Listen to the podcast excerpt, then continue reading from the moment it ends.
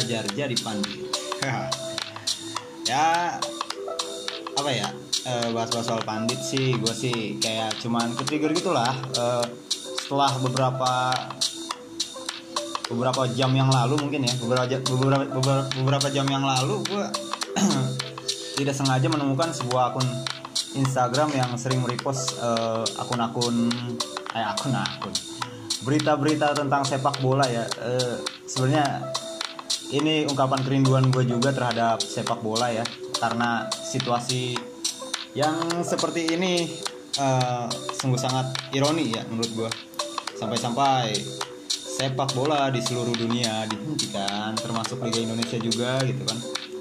Sungguh sangat disayangkan ya hiburan termurah menurut gue sepak bola tuh di seluruh dunia ya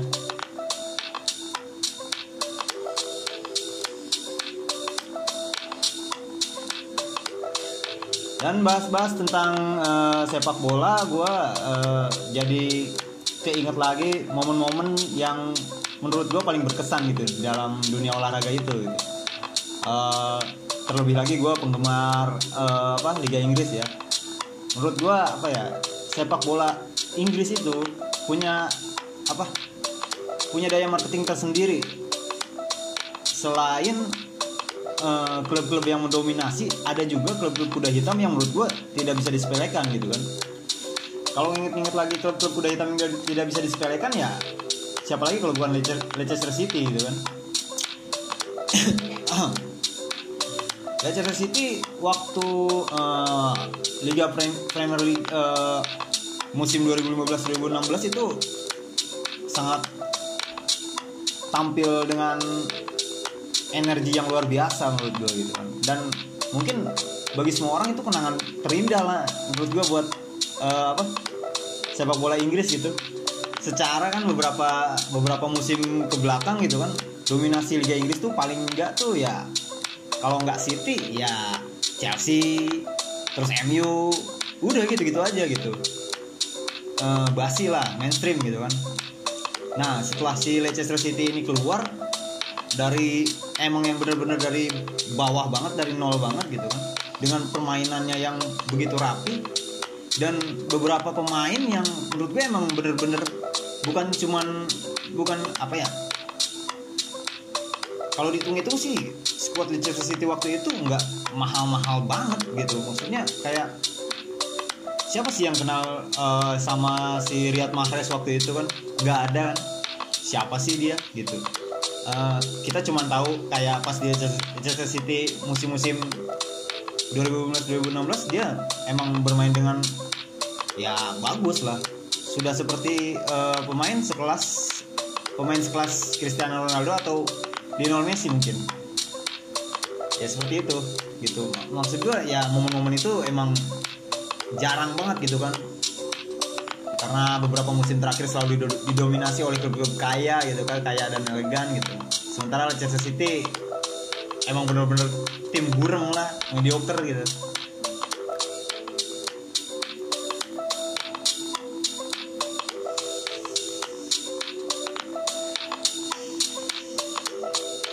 Em, gue kayaknya harus introdu- introduksi dulu kali ya kenapa eh, ada yang seperti ini gitu di podcast Onani ini. Eh, kenapa tiba-tiba ingin menjadi pandit gini gitu kan, ingin mengomentari dunia sepak bola yang kebetulan emang gue suka banget gitu. Eh, ya apa ya mungkin intinya sih ingin ada warna yang berbeda aja gitu supaya untuk observasi gue tuh nggak mentok di situ-situ doang lah intinya sih supaya apa yang gue gua pikirkan tuh ya tersalurkan lah intinya bagi untuk semua orang lah intinya gitu kan.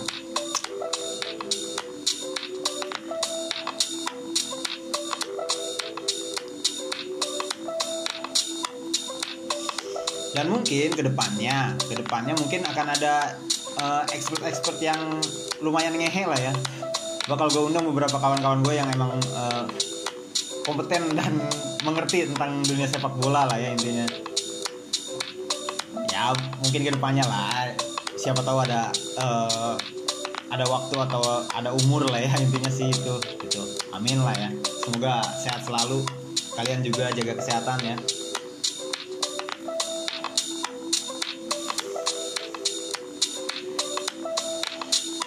Terus di podcast ini ya biasalah seperti biasa. Gue tetap seolah-olah gue mengerti tapi tidak mengerti gitulah intinya hanya ingin mengingat kembali memori tentang eh, 2015-2016 silam di Liga Premier League gitu kan gue bakal ini aja nih gue bakal mencoba mengajak kalian untuk kembali ke eh, musim itu gitu dengan melihat daftar belanja squad Leicester City 5 tahun terakhir gitu kan Yoi.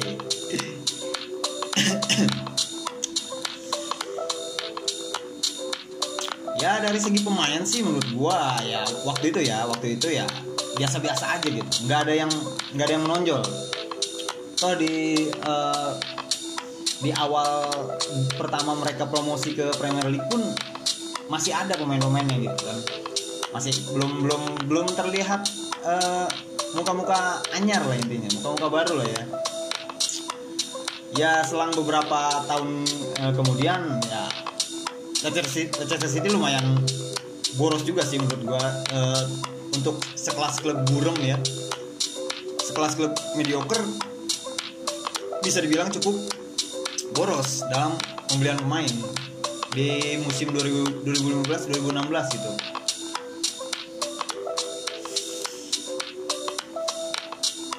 Gue sebutin satu-satu dulu supaya eh, kalian bisa mengingat memori itulah ya dari segi awal oh, dari segi ini nih midfielder sampai ke dari segi midfielder sampai ke striker lah ya. Shinji Okazaki dibeli dari Mainz 05 asal Jerman lah ya. Eh, klubnya klubnya asal Jerman si Shinji Okazaki ini dari Jepang. Dengan harga yang lumayan murah sih 10,3 juta euro itu termasuk yang sangat eh, ini ya murah sih sebenarnya emang emang murah lah ya.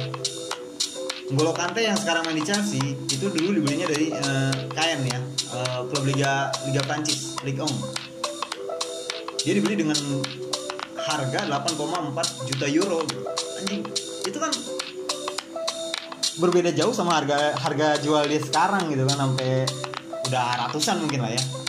Pas diboyong sama Chelsea gitu sampai sekarang main di Chelsea pun gue nggak tahu gajinya berapa gitu per, minggu atau per tahunnya lah intinya pasti pasti beliau si Kante ini pasti ada alasan tertentu untuk memilih si Chelsea lah ya.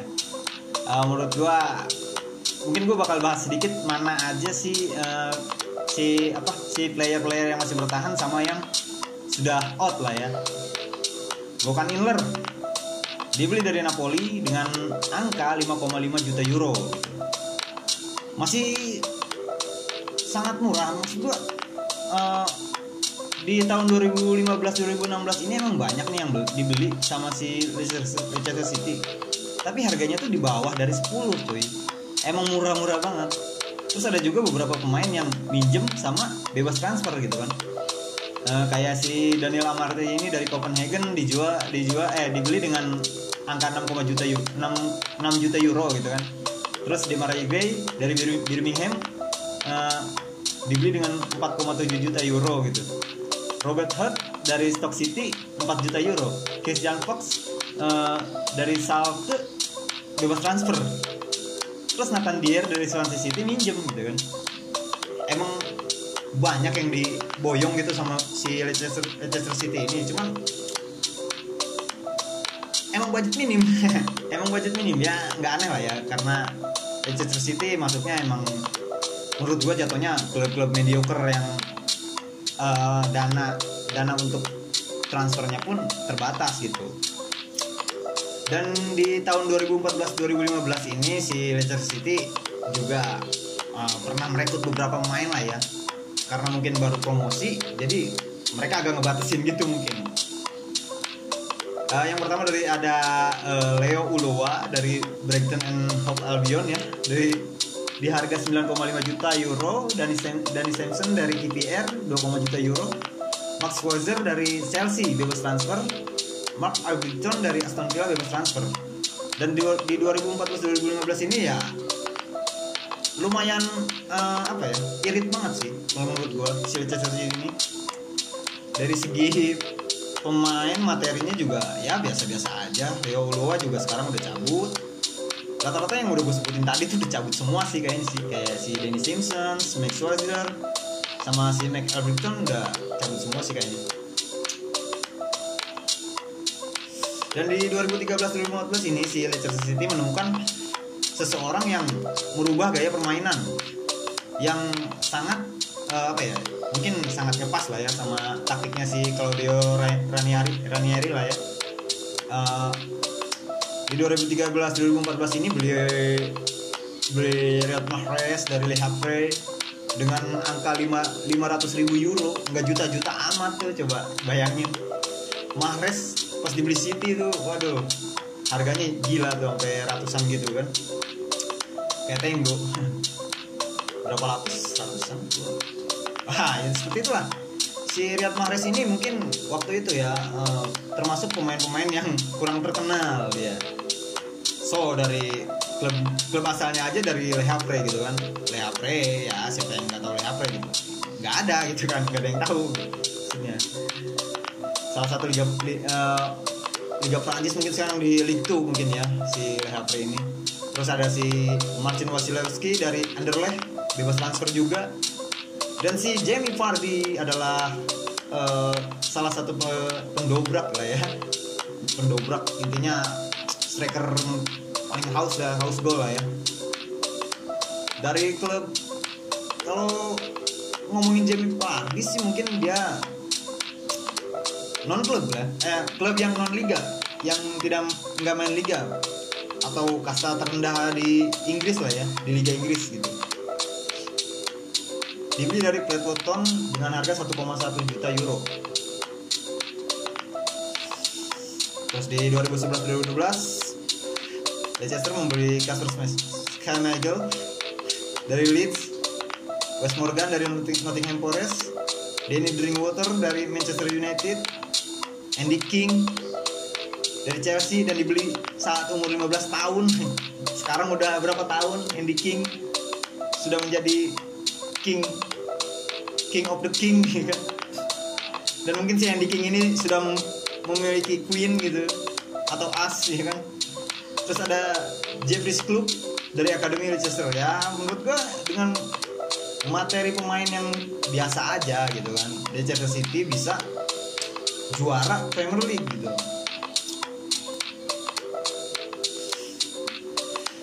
Bisa mengalahkan tim sekelas Manchester City atau Chelsea yang jelas-jelas materinya emang emang budgetnya budgetnya mereka tuh emang tinggi tinggi gitu kan.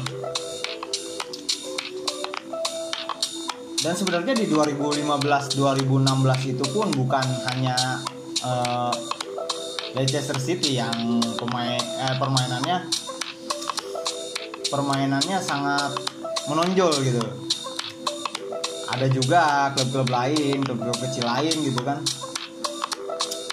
Klub-klub lain yang permainannya semakin jadi nggak ngebosenin lah intinya buat nonton bola tuh. Yang biasanya cuman ah pasti pasti kalah ah, pasti kalah atau pasti menang gitu kan. Kalau cuma lawan ini doang mah gitu.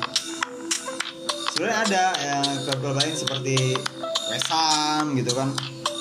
Ya gue emang suka lah sama West Ham. Karena permainannya yang menurut gue hmm, walaupun kadang seringnya kalah gitu kan. Keseringan kalah emang keseringan kalah tapi punya daya magis tersendiri si West Ham ini menurut gue ya karena emang apa ya mungkin dari segi pemain ya West Ham cuman ada beberapa doang gitu kan yang bener-bener beli pemain mahal gitu intinya tapi dari segi kepelatihan gitu di waktu itu gue emang salut sih sama si Slepen Bilik ini. Dia bisa merubah budget yang sedemi- sedemikian rupa yang hanya beberapa miliar mungkin beberapa beberapa duit lah ya, gitu kan. Tapi bisa merubah permainan West Ham dari segi apa pun menjadi enak dilihat gitu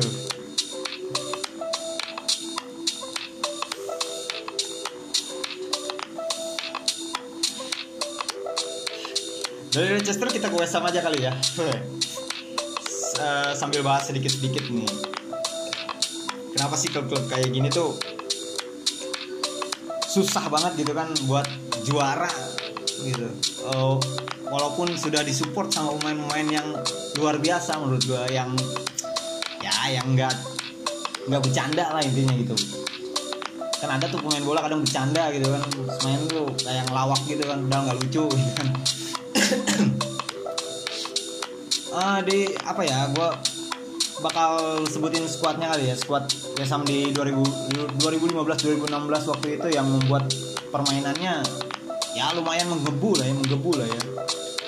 Selain Dimitri Payet mungkin yang kalian ingat cuman Dimitri Payet ya. Selain beliau ada beberapa pemain lah ya yang menurut gua menurut penilaian gue sendiri gitu permainannya eh, apa to the point lah intinya. Emang benar-benar football banget gitu. Nggak nggak mementingkan yang namanya eh, salary gitu. Duit lah intinya. Jadi selain si Payet tuh di West Ham waktu eh, musim 2015-2016 tuh salah satunya adalah Adrian yang menurut gue yang penampilannya menonjol. Dia adalah penjaga gawang asal Spanyol yang waktu itu eh, apa ya? Untuk me- mencadangkan beliau tuh emang sedikit sulit gitu. Eh, karena emang penampilannya emang wah gila sih kalau ngomongin Adrian gitu kan.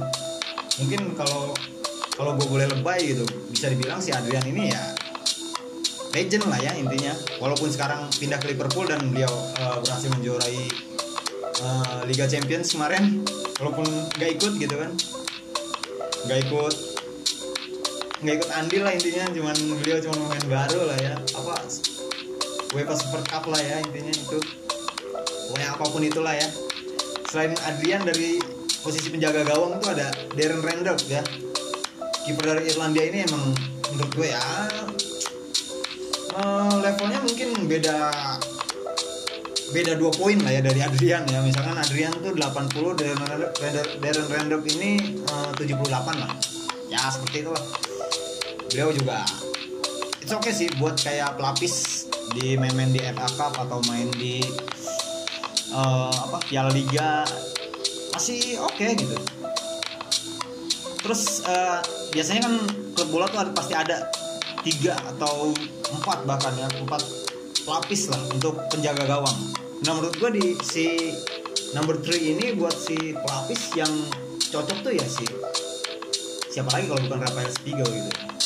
Kiper asal Swiss asal Switzerland ini ya emang biasa aja mainnya gitu. Emang biasa aja emang cocok buat pelapis ketiga gitu. Next di defender ada Sam Burem Sam Burem asal Inggris ya. Eh, beliau ah kok beliau sih? Dia adalah eh, apa ya mungkin dari dibeli dari akademi atau entahlah gitu kan gue nggak tahu. James Collins ya jelas. Dia adalah back eh, yang menurut gue gaek ya udah cukup lama juga di West Ham gitu kan terus ada Aaron Criswell Eh, Aaron Criswell yang membantu juga membantu perkembangan eh, permainan West Ham menjadi optimal gitu ya. Selain si Dimitri Payet oke lah ya. Si Aaron Criswell tuh sekarang masih tetap bertahan nah yang maksud gue yang maksud gue to the point dalam sepak bola tuh ya ini gitu kan. Tidak mementingkan salary gitu. Dia eh, tetap yang namanya setia kalau di sepak bola setia sih. Mungkin mungkin aja. Tapi gimana klubnya sebenarnya gitu kan? Eh, kadang ada mungkin pemain favorit kita pindah gitu kan. Seperti yang baru-baru ini Cristiano Ronaldo. Mungkin dia bisa aja eh, kayak le- apa pensiun di Real Madrid lah ya. Mungkin bisa aja. Eh, yang menjadi yang menjadi halangan adalah dari dirinya sendiri atau mungkin dari klubnya bisa jadi klubnya udah nggak mau gitu kan naikin gaji beliau. Sementara si CR ini pengennya gaji naik terus gitu kan. Tapi klub nggak mau ya dilepas deh. Mau nggak mau dijual aja dengan harga yang lumayan tinggi. Jadi untung buat si klubnya itu gitu kan. Tapi kalau kayak Aaron Criswell ini mungkin dia nasibnya bakal sama kayak si eh, ini ya bentar kayak Mark Noble lah ya. Mungkin bakal ya semoga sih bakal pensiun di West Ham lah ya. Terus eh, selain Aaron Criswell ada yang menurut gue yang pemain permainannya meningkat gitu. Eh, Winston Red, Winston Red, oke. James Tomkins juga James Tomkins ya oke lah. Sama Ogbona dari segi defender ya menurut gue itu lah dari permainan eh, permainan-permainan yang sederhana eh, bisa mengangkat eh, klub sekelas West Ham menjadi eh, apa ya hitungan lah buat klub-klub raksasa lainnya gitu. Mungkin kalian ada di antara kalian ada yang pernah nonton Giant Killing gitu? Itu Giant Killing hampir sama tuh alur ceritanya sama kayak West Ham lah Giant Killing tuh eh, anime ya anime dari Jepang itu yang menceritakan tentang sebuah klub kecil di kota Tokyo atau apa di timur lah ya timur kota Tokyo lah ya. ETU East Tokyo United gitu kan. Itu berjuang bener-bener berjuang buat eh, ini ya ngalahin klub-klub raksasa yang kayak eh, di Jepang tuh mungkin kayak Urawa, Urawa Red Diamond, terus Kawasaki Frontale, terus Konsado Sop, Sapporo gitu. Nah, banyak lah intinya itu klub-klub Jepang banyak lah gitu. Itu dari segi animenya gitu. Tapi lumayan seru lah. Recommended buat kalian yang emang suka anime coba tonton deh Giant Killing itu seru banget jalan ceritanya walaupun cuman beberapa episode doang gitu tapi lumayan lah ya untuk menemani lockdown kalian mungkin terus dari segi midfielder ada ya ini dia Michael Antonio ya menurut gua. Eh, pemain yang dibeli dari Nottingham Forest ini oke juga gitu menurut gua. Eh, apa stamina nya oke dari fisiknya juga nggak kalah gitu.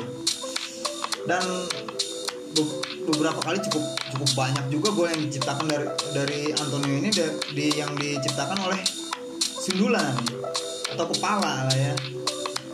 Emang gokil sih ini.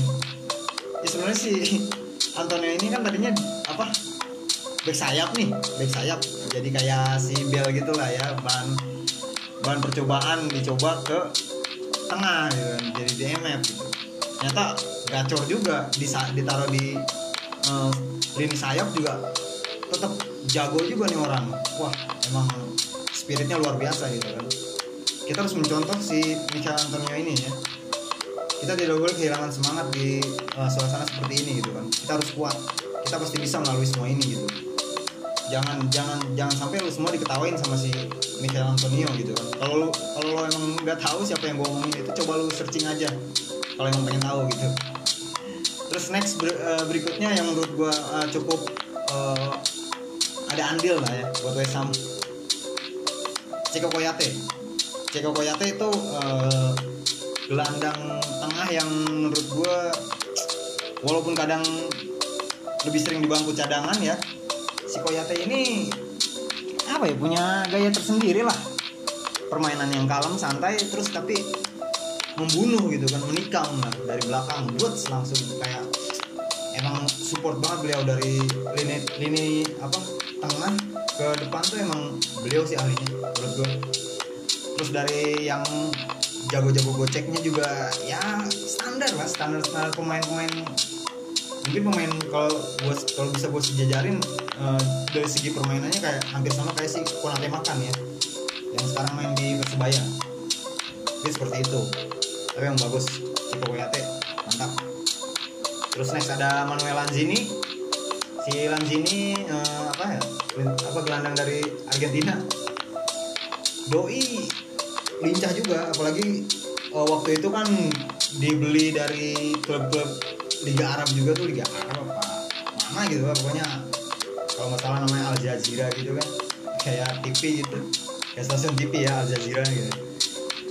Tapi beliau emang eh, menurut gua si Lanzini ini dari segi kelincahan dalam mengulas kulit bundar ya anjing. Udah kayak pandit nih gua nih asli sumpah.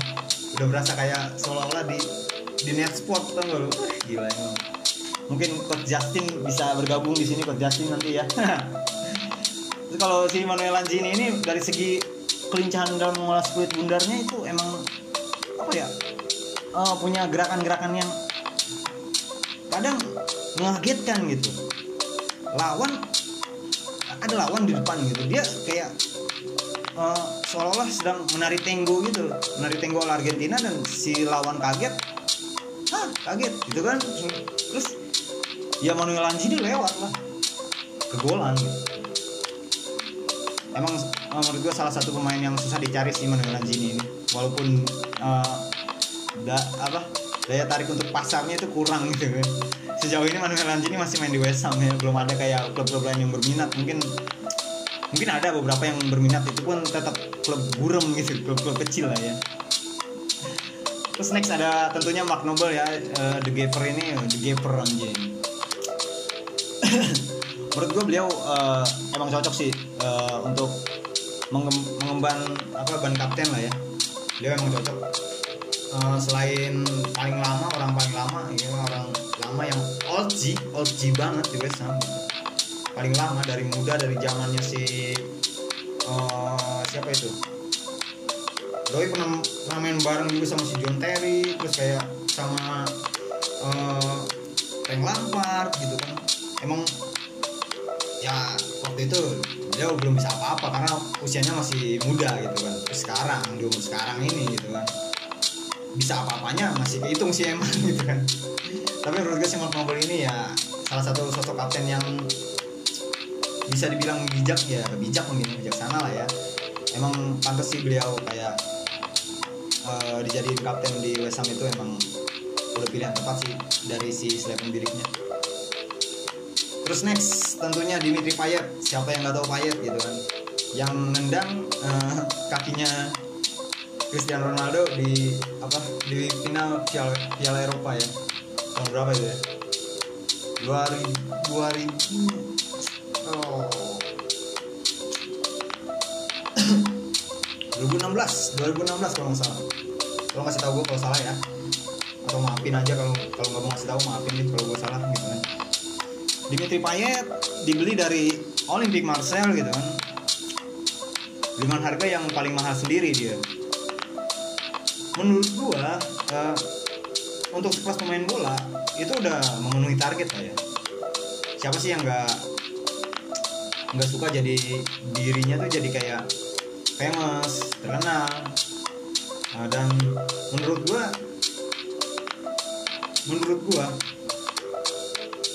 alasan si Didier Deschamps memanggil Payet ke timnas Prancis pun karena si Didier Deschamps melihat permainannya di West Ham gitu.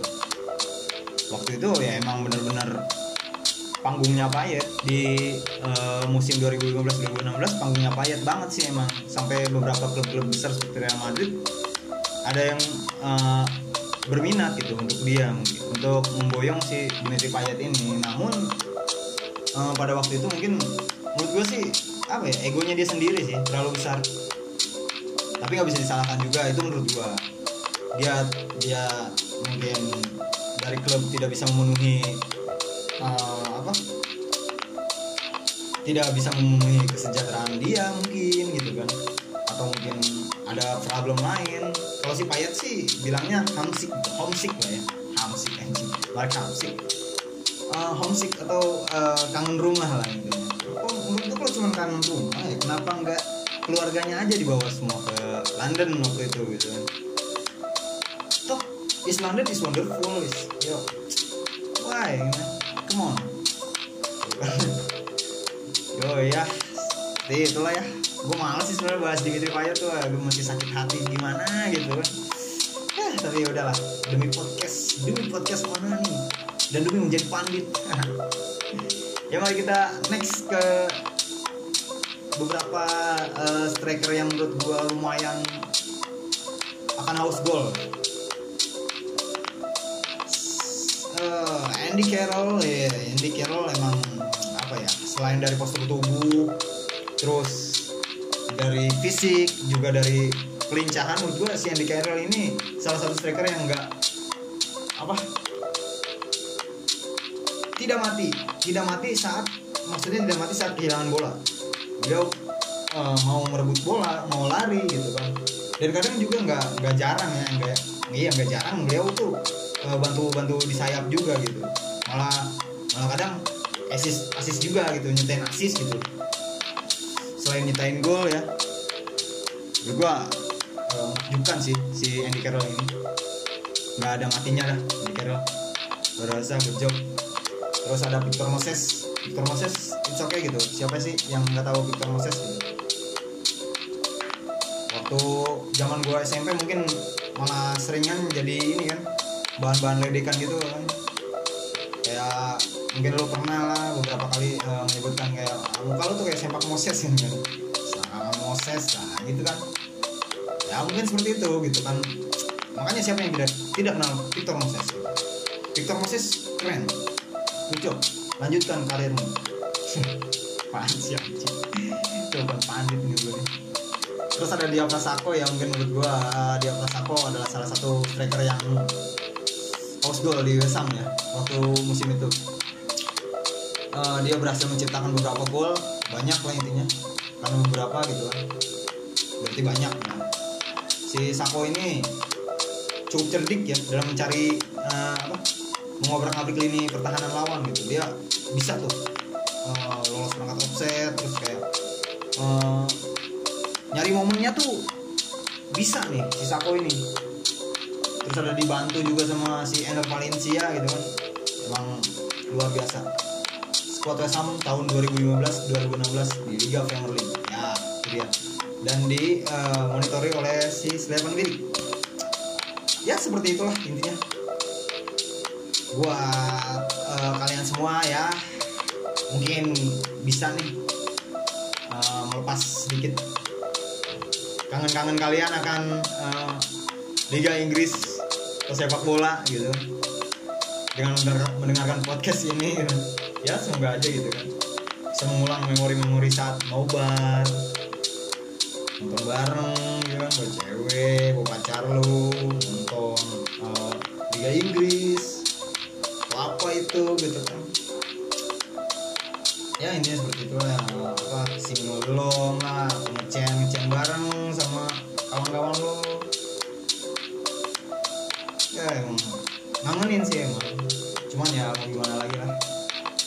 kita bisa melewati ini semua ya kawan-kawan ya. Gue selalu berdoa untuk kalian semoga selalu sehat selalu tetap jaga kesehatan.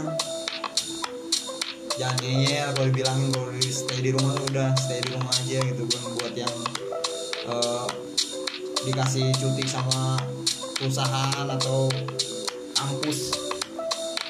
Udah di rumah aja gitu jangan ke mana-mana. Jangan bandel. jadi